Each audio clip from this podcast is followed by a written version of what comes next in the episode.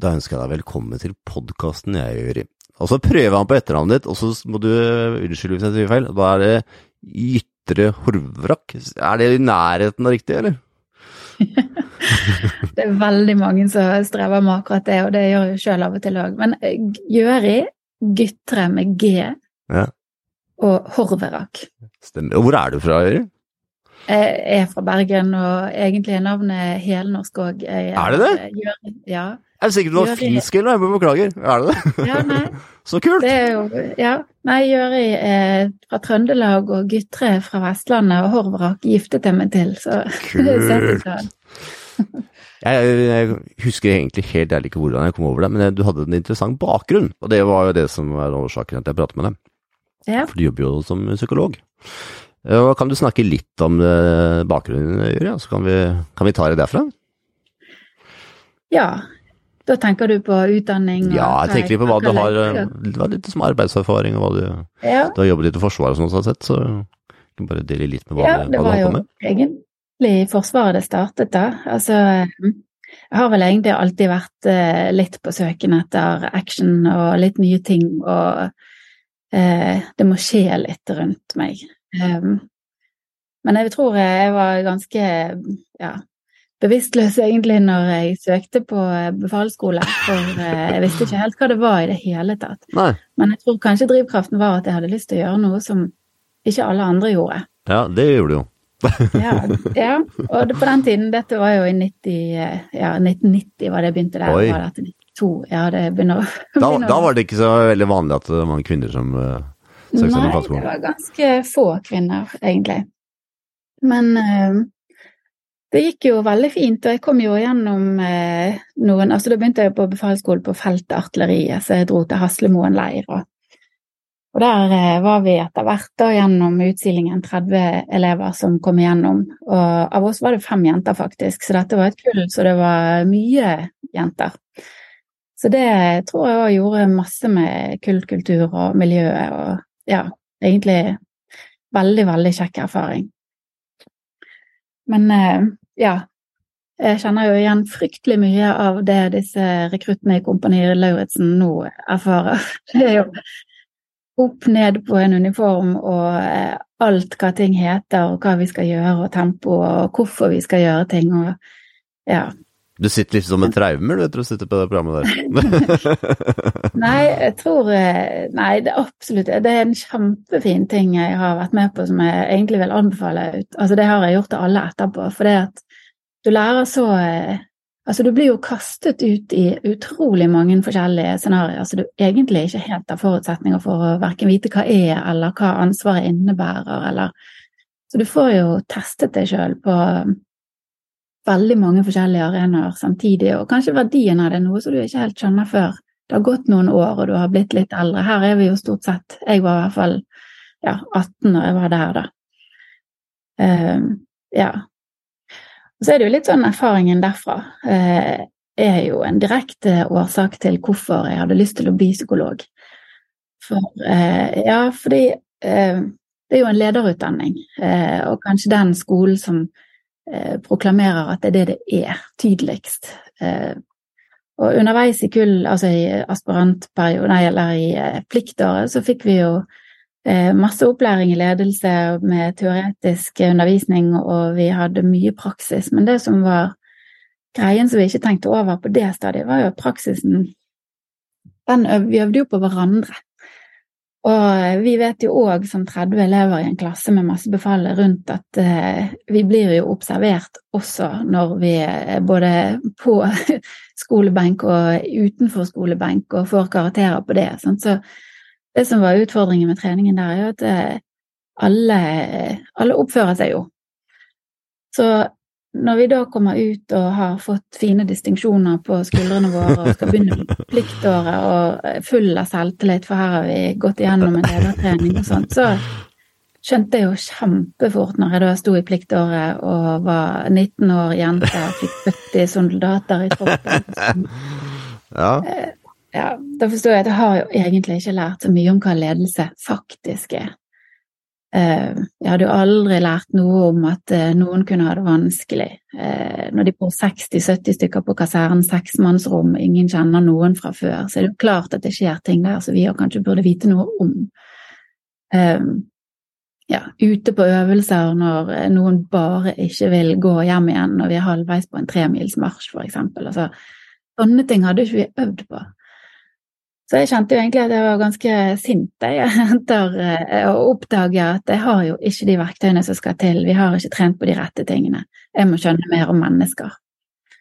Så ja.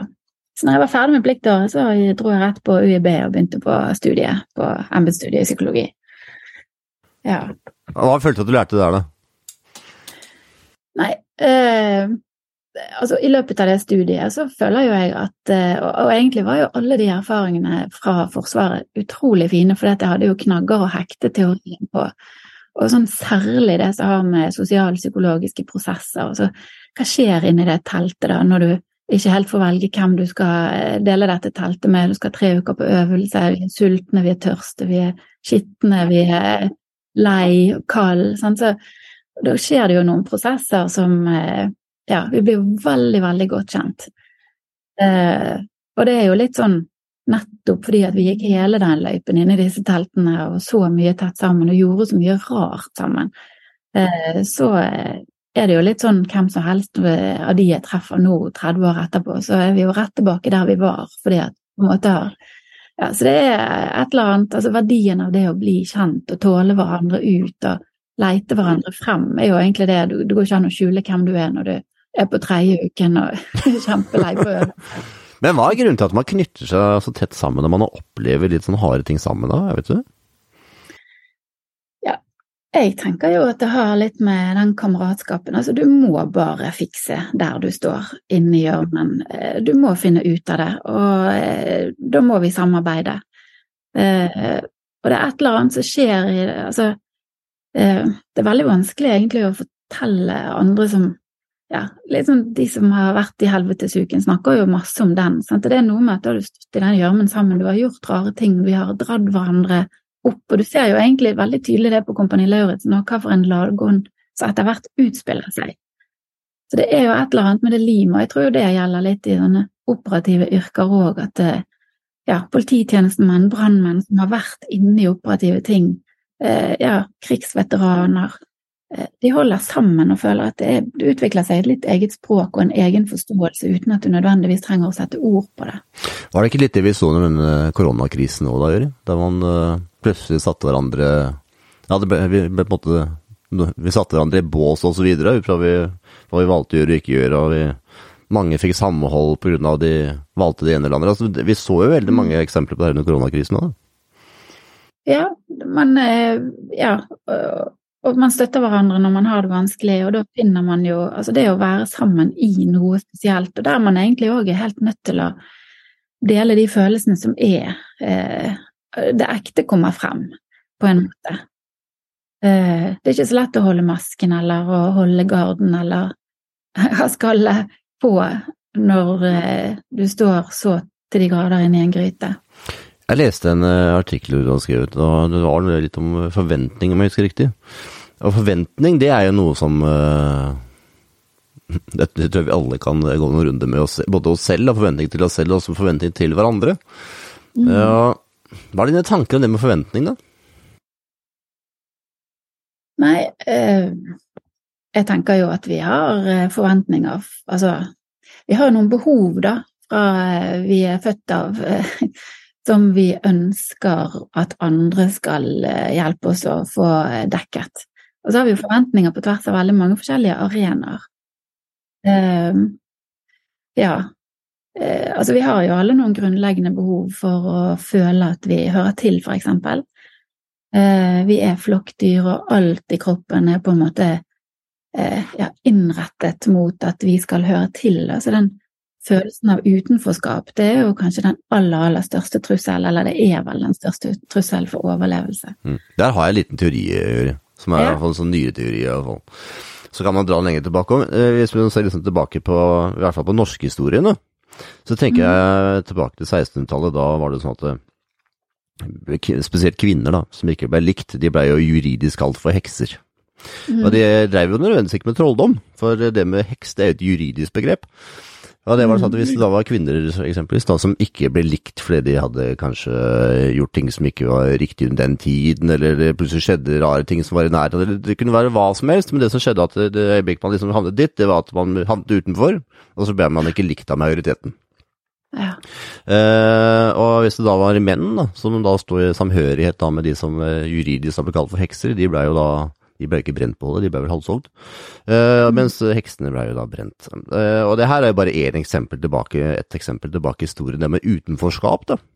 Hvor liksom alvorlig det med utenforskap har vært oppe mellom historien. Og så er man enda lenger tilbake, om det liksom var tilbake til stammetiden, så var man utenfor der, så ble man jo jagd vekk. Så det er jo ikke så rart at vi er redd for å stå på utsiden, for ser vi tilbake i historien, så har det jo gått skikkelig ille når man har vært på utsida. ja. Ja, altså dette er jo helt tilbake til eh, helt, altså opprinnelsen. Det er jo overlevelsesmekanismene våre som kicker inn her. Vi, vi, må høre til, vi trenger flokken. Vi må ha beskyttelse, og vi trenger å beskytte andre. Eh, vi må være sammen for å løse de utfordringene som finnes. Vi klarer oss ikke alene. Mm. Hva skiller da de, uh, de som liker å stå på utsiden, og de som liker å liksom være alene? Sånn som, la oss ta disse norske kjente som vi har, sånn som Børge Ausland f.eks. Er jo en som mm. storkoser seg med å være ute på Nordpolen i kulda i et års tid mm. alene i mørket. Noe som meg høres ut som et totalt mareritt. Uh, hva tenker du som skiller de som liker å være aleine for seg selv, og de som da er livredd for å bli forlatt av flokken? Nei, jeg tenker kanskje det handler jo litt altså menneskene, Det er jo kjempestor variasjon blant mennesker. Og jeg tror jo at eh, altså det er mange som lader når de da er ute og virkelig får utfordret seg sjøl og har sine egne motiver for hvorfor de f.eks. går på sånne eh, ja, kjempeenslige eh, ekspedisjoner. Men jeg tror kanskje Altså det er jo noe med valget om å være aleine eh, og valget å være sammen. Sant? Og hvis du ikke Så jeg vet ikke helt om en sånn ekspedisjon kan handle om utenforskap. For hvis han hadde følt at han ikke hadde noe hjem eller noen base eller noe sånt, så er ikke jeg sikker på om han hadde hatt det så greit. Eh, men når du har det i bunnen, så går man jo kanskje ut og utforsker på en mye ja, enda mer utforskende måte, kanskje fordi at du har en ordentlig trygg base i grunnen. Så jeg tror egentlig det der når du ikke Når du blir holdt utenfor, det er det som er lidelse. Å velge å gå ut, det har vi jo alle godt av, å lade litt i vårt eget hode, tenker jeg. Men, og noen liker det bedre enn andre. Men eh, eh jeg tror akkurat det er valget, stikkordet for hva som er lidelse, og hva som egentlig er å utfordre seg sjøl, eller å ha andre motiver. da. Det er litt, jeg, jeg liker å bruke den, eh, selv om vi alle er lei av korona så mye som jeg tror vi alle bare nesten hopper ut i sjøen bare vi hører de ordet. Men så, samtidig så er det en ting som vi har nært oss alle, da, både positivt og negativt. Og der eh, kunne jo mange måtte føle på utenforskap. Da man måtte, mm. måtte sitte, Spesielt yngre mennesker som måtte sitte i karantener og hva det nå ble kalt. Eh, og kanskje over lengre tid. Og, ja. og tenke liksom på den derre Da blei man jo påtvunget en utenforskap, da. Det er litt sånn eh, jeg hørte mange yngre mennesker som slet veldig mye på den tiden. Og har du litt sånn eh, Vi vet jo aldri, Juri, om vi skal oppleve dette igjen. har du mm. litt sånn tips til eh, hva man kan gjøre hvis man eh, blir satt i en sånn situasjon igjen der man plutselig blir, måtte være aleine og blir sånn påtvingt utenforskap, eller? Mm. Ja, altså jeg tenker Pandemien har jo vært gull for mange, fordi at de endelig fikk roet ned litt og kanskje vært sammen og trukket seg tilbake. Og så har det vært eh, ordentlig, ordentlig utfordrende for mange. Eh, og særlig de du snakker om nå som kanskje ikke har så mange rundt seg. Eh, og det å bli tvunget inn Altså, jeg tenker jo kanskje helt fra starten at foreldre Altså for å forebygge ensomhetsfølelsen hvis du blir alene. Det er jo litt å øve seg på å være alene i ditt eget selskap. Det å trene litt på å kjede deg, eller å komme på ideer og på en måte ja, underholde deg sjøl, og det er jo en egenskap jeg tror alle trenger. Eh, og så håper jeg vi har lært litt av eh, eh, ja, eh, pandemien. Altså det akkurat det med å ta vare på folk og, og det er jo vanskelig å se hvordan de har det når de sitter alene. For ved, gjennom skjermen så får du ikke inntrykket, og det blir jo ikke det samme som å Ja, og det er jo sikkert veldig, veldig mange som har gått gjennom hele pandemien, pandemien uten en eneste klem, eller eh, Så ja, jeg har jo ikke noen gode svar, men jeg tror jo akkurat det der med utenforskap og kunnskapen om hva det gjør med en, bør sette på radaren de tiltakene, og, radaren for å fange opp de som sitter alene. For de som sitter alene og har det vanskelig, de sier ikke alltid fra sjøl. Det er en stor terskel å si fra, så det er jo egentlig en stor oppfordring til eh, de som eh, har kapasitet og har folk rundt seg, og som er ja, til å fange det opp. Nå hopper vi litt sånn fram og tilbake, men det er litt, litt for å fange, litt tak i de forskjellige aspektene. Og det er det med forventninger. Jeg tenker at helt klart at når man blir satt uh, i isolat, eller hva man skal kalle det, i, det, i den sammenhengen, da, eller i det vanlige, så tenker jeg forventning, det handler jo så mye. Det er jo forventning til partner, forventning til jobb, eller Men så tenker jeg det er med det som kanskje er også veldig viktig uansett, det er jo trening, da, fysisk aktivitet. Og under fysisk aktivitet også, så er det jo veldig viktig med riktig forventning til seg selv. Ja. Og det kan være en utfordring for mange, for mange kan ha en forventning at å ja, for, for liksom ett år siden, ti år siden, nei, da var jeg i så god form. Eller mm. forventning. De ser andre på TV, oi, de er jo så god form, hvorfor er ikke jeg så god? Det er en forventning til seg selv når det gjelder, gjelder det fysiske, da. Det er veldig utfordrende for veldig mange, tror jeg. Og det som er grunnen til at mange ikke tør å starte eller komme i gang med fysisk aktivitet også. For de tenker at nei, men mm. jeg er jo ikke i så god form, så hvorfor skal jeg Det er liksom det er for seint. Nei, kan vi snakke om forventning rundt det med det fysiske å gjøre, for det tenker jeg det er en sånn viktig greie som som mange faktisk vegrer seg til å begynne. De tenker at de er ikke gode nok. Mm. Nei, eh, det er jo et kjempestort samfunnsproblem. Eh, og sosiale medier har jo hjulpet til det at alle disse lykkelige bildene og idealene og eh, ja, hva man skal gjøre for at man Altså dette lykkeillusjonen, da, tenker jeg. Men Nei, det er jo absolutt en kjempeviktig debatt, og det er jo så lett å bli påvirket. Og jeg tror ikke du skal Altså, jeg tror alle blir påvirket av eh, eh, det idealet som på en måte presenteres, da. Men eh, Så det er jo litt sånn å skru debatten kanskje over til hva eh, Ja, hva er nå lykke, og hva er det kvaliteter som virkelig er viktige, og som bærer oss fremover i livet? Altså hva eh, Hva er det som kanskje er for det er jo noe med vektingen her. Kanskje vi snakker litt for lite om eh, ja, det å dyrke selvstendighet, eller å få eh, til å like seg sjøl, til å stå stødig på sine egne bein, til å eh, ja, altså hjelpsomhet og vennlighet og altså de der andre kvalitetene som kanskje drukner litt i den store lykkedebatten om fysiske forhold. Altså jeg har ikke noen sånn kjempegode svar på Nei, dette, men det er jo. Ja. Jeg lufter tankene rundt det, da. For mm. vi er eh, Jeg ser det liksom igjen og igjen. Da vi tenker nei, nei jeg kom liksom ikke i gang med trening i dag, eksempelvis, for at eh, nei, jeg følte meg ikke i god form i dag, eller jeg er ikke i den formen jeg var før, eller og spesielt etter pandemien. Da, så var det sånn, så det var så veldig mange som aldri kom i gang igjen. Vi hadde vært i mm. kjempegod form før, kom ikke på treningssenter lenger, for det ble jo stengt av en eller annen, en eller annen mm. årsak. Eh, og så var det vanskelig å komme i gang igjen. Og det er, derfor jeg er så opptatt av forventning, for vi er sånn, vi er veldig, mange av oss er veldig sett harde forventninger til oss selv. Vi gir oss mm. liksom ikke noe slack. Nei. Det er utfordrende. Nei, og, og det er nok litt sånn uh, Ja, vi skal være pisker oss inn i disse trenings... Eller Altså det jeg tenker litt om pandemien, den tok oss egentlig også inn i en litt sånn zombie-modus, der uh, det var monotont, det var Altså det er vanskelig å dra oss opp. Vi fikk litt sånn joggebuksepreg på hverdagene. Eh, og, det, og, det, er jo vanskelig å dra seg ut av det. Eh, og det å trene alene er jo ikke for noen, og det å ja, eh, kanskje begynne på treningssenteret, for du er for dårlig form, det blir flaut å bli sett, at du ikke får det til, eller ikke føler det. Ja. Så eh, ja, og vi har litt for store forventninger til oss sjøl om hva vi skal få til, og, litt, og hvor kommer de fra, og hva, hva, fører de oss egentlig Altså, hvor fører de hen?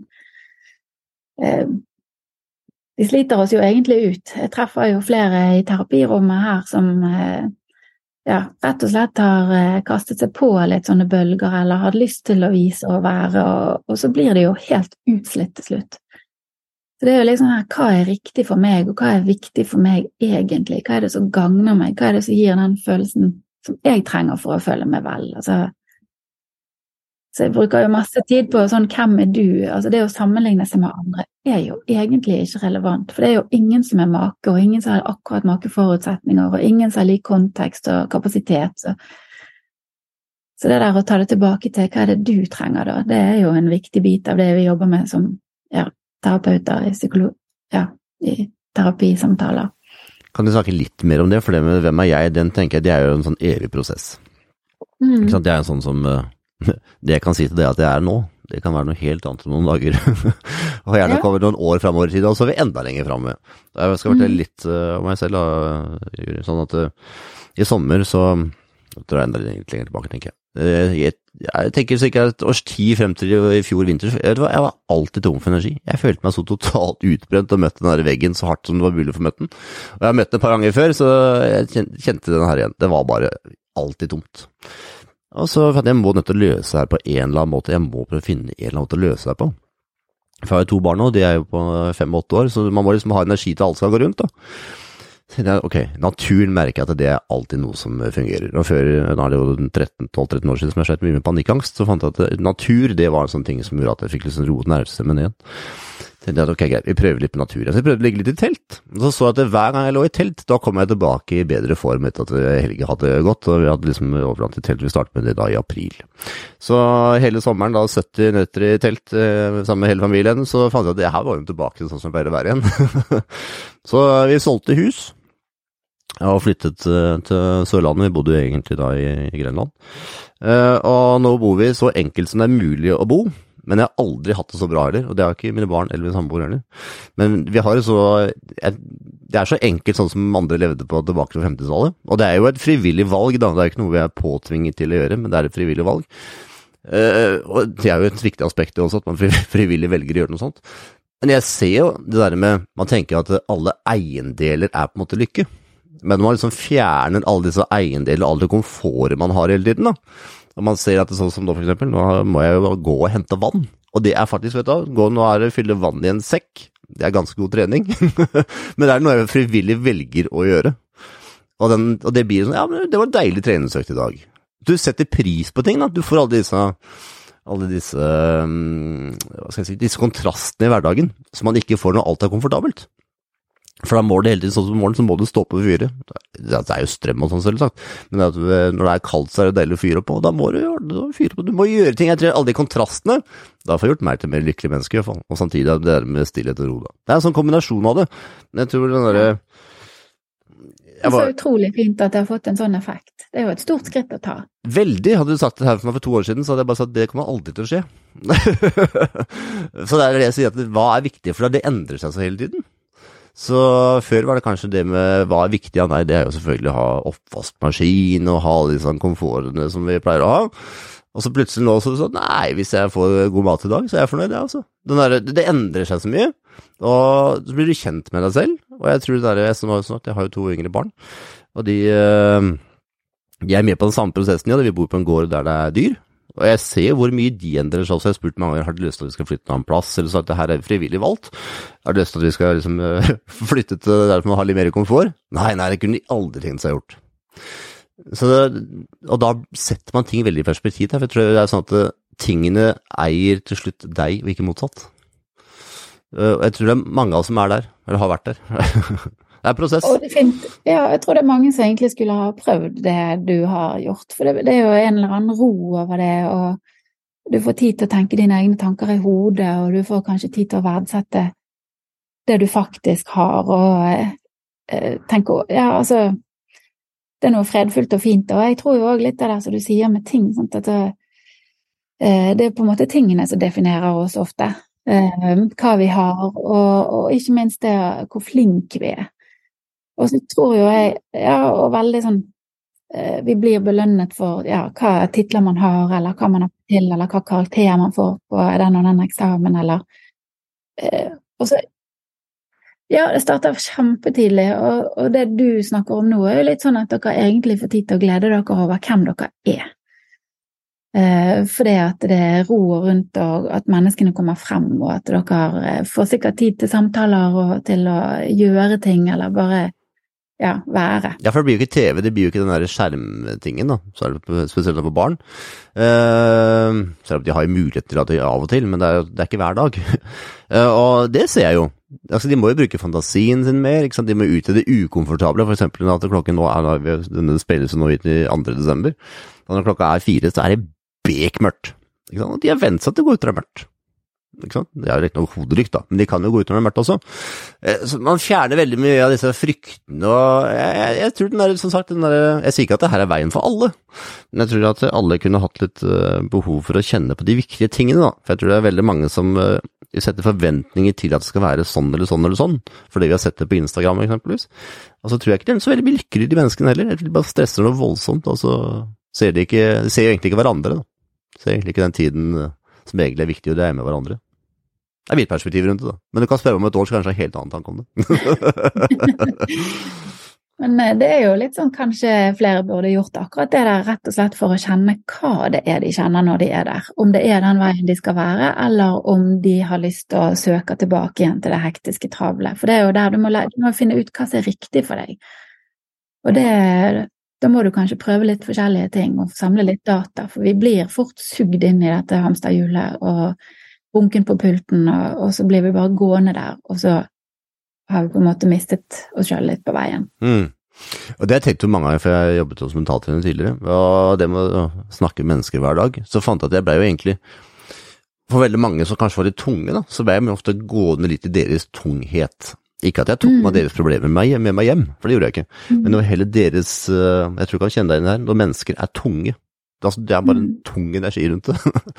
ja. Så blir det liksom litt gående rundt det da også, så jeg merket etter hvert at det plutselig så ble andres eh, tanke bekymring, det ble plutselig tanker som dukket opp i mitt hode uten at det egentlig hadde noe tilhørighet til meg i det hele tatt. Har, har, er det her noe du registrerer i daglig virke, eller der du på en måte kan kjenne at vet du, uff, i dag var egentlig litt sånn tung da, selv om det egentlig ikke hadde noe med deg å gjøre i det hele tatt? Eh, altså det er jo eh, sånn at humør smitter og stemninger smitter, så det er jo klart at uh, du kjenner på stemningene til andre. Altså nå, uh, jobben min er jo på en måte å finne ut av hvorfor folk har kommet i de stemningene de har kommet i. Så jeg jobber jo på en litt annen måte og tar Prøver jo å forstå hvorfor de er der, og hvordan de eventuelt kan klare å Altså at vi kan gå sammen ut av det, eller finne noen andre endringer.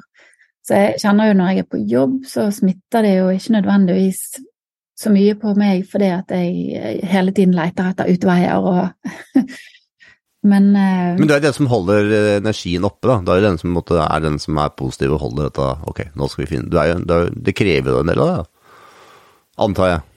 Eller? Ja, men de fleste som kommer her, altså de har jo lyst til Altså de er jo utslitt av å ha vært f.eks. i en negativ stemning for lenge.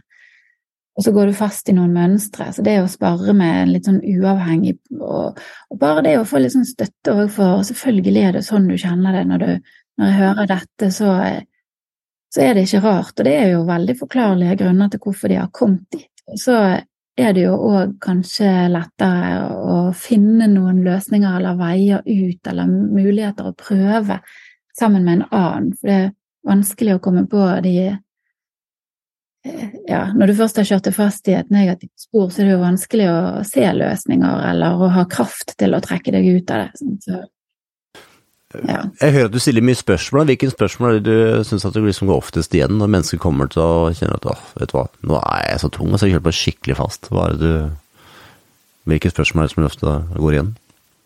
Ja, jeg prøver jo å finne ut sånn Altså, hvor er det det kommer fra, den slitasjen, og hva er det de har gjort, og hva, hva har vært eh, de, Altså, hva er det de står i, eller har stått i? Og så liksom hva, hva gjør det med dem, hvordan er det de faktisk har det? For her inne kan det jo være ærlige. Og ofte så kommer det jo opp ting som de kanskje ikke helt har tenkt på sjøl, for det har ikke vært noen arena tidligere til å snakke om det. Og litt sånn, hvor er det de har lyst til å komme, da? Eh, hva, hva er det verste de står i, og hvor, hvor, er det viktigst å begynne å ta tak? For ofte så kommer de jo her med ganske mange forskjellige temaer som er krevende hver for seg. Sant? Og da må vi jo kanskje sortere litt og bare få en oversikt over hva er det som stjeler oppmerksomheten eller suger kreftene dine. Og så må vi jo kanskje begynne å nøste, da, når det blir eh, sitter jo ofte og tegner med rødt lys, og, som er liksom sånn 'dette må vi begynne med, for dette tar mest'. Hvor er ladestasjonene dine? Sant? Og de er det jo ofte veldig, veldig få av. Eh, der de faktisk er på steder eller gjør ting der de glemmer litt tid og sted og får pause i hodet sitt fra alle bekymringene eller ja. Jeg prøver egentlig å være veldig konkret i forhold til hva, hva kan gjøres med dette, men eh, også selvfølgelig stor vekt på at eh, det er alltid grunner til hvorfor de har kommet dit, og, eh, og de er forståelige, og masse hanger jo sammen nå med når du hører historier fra veldig gammelt av, at det er noen mønstre man kanskje har tatt med seg, eller noen automatiske responser til ting som man har lært fordi man har vokst opp i forskjellige miljø eller vært utsatt for ting. Så ja, så jeg synes bare det er utrolig spennende og en eh, kjempestor tillitserklæring til meg til at jeg får lov til å få disse historiene. Og så er det jo bare virkelig, virkelig fint hvis vi også klarer å flytte fokuset på en mer hensiktsmessig plass, da. Mm. Jeg hører at du er jo ekstremt behagelig å være rundt òg, da. så er det noe du alltid har vært, eller er det sånn du har liksom bare blitt med tiden at du har bare tillært deg til rollen? For du har en veldig behagelig tone, du har en behagelig stemme, så har det alltid vært sånn, eller har det blitt sånn? Jeg har jo kjempelyst til å si alltid. Nei, jeg vet ikke. Jeg, eh, jeg syns jo Altså, jeg er jo nysgjerrig på folk. Jeg tenker at det er utrolig spennende liv folk lever, og ingen er make. Og jeg har jo truffet mange folk etter hvert. Og akkurat det der eh, å, å få lov til å grave litt under vannskorpen og, og prøve å skjønne dem Eh, da dukker det bare opp så utrolig mye gull som de sjøl ikke vet at de har, og som eh, jeg tenker er verdt å få frem i lyset. Og, ja. Så jeg, jeg, tror egentlig det Ja. Jeg liker mennesker, jeg liker folk. Jeg syns det er spennende å høre hva folk holder på med. kan vi snakke ja. litt om det med mønsteret, for jeg tenker det er en sånn veldig interessant eh, veldig interessant aspekt som vi mange kanskje tenker på, men jeg tror majoriteten ikke tenker på det. For de fleste eh, tingene vi gjør og handler ut fra, fra mine tanker om det, er ut fra mønstre. Om det er familiemønstre eller hva Veldig ofte så er det familiemønstre. Eh, mm. Og det er veldig utfordrende, for man kan noen ganger tenke at man er fanget av disse mønstrene. Mm. For at man ser at ja, han i situasjonen ja, jeg gjorde akkurat samme som min mor, eller akkurat samme som min far, eller onkel eller bestefar, hva det måtte være. Så ser man liksom tilbake i sin, uh, sin familie og ser man at ja, dette går jo veldig ofte igjen. Mm. Og veldig ofte så er det jo ikke tillært heller, og det her syns jeg er veldig interessant med det med, med, det med arv og epigenetikk og sånn. Hvordan mm. vi kan si at ja, ja, men min bestefar han gjorde det jo på den måten der, men min mor gjorde det ikke, eller far gjorde det ikke på den måten, men jeg gjør det på den måten. Og heller, mm. egentlig aldri møtt dem bestefar, bare ta noen eksempler her. Da. Det er ganske interessant hvordan familiemønsteret sier nedarves. Jeg har ikke noen sånn forklaring på hvorfor det er sånn, men det, det mønsteret er veldig interessant. jeg vet ikke om jeg egentlig har kommet til noe, sånn, egentlig noe sånn fast svar på hva det er, men hva tenker du om mønsteret? Ja, eh, det er jo liksom komplekst, eller komplekst spørsmål av det, men jeg har jo noen tanker om mønstre.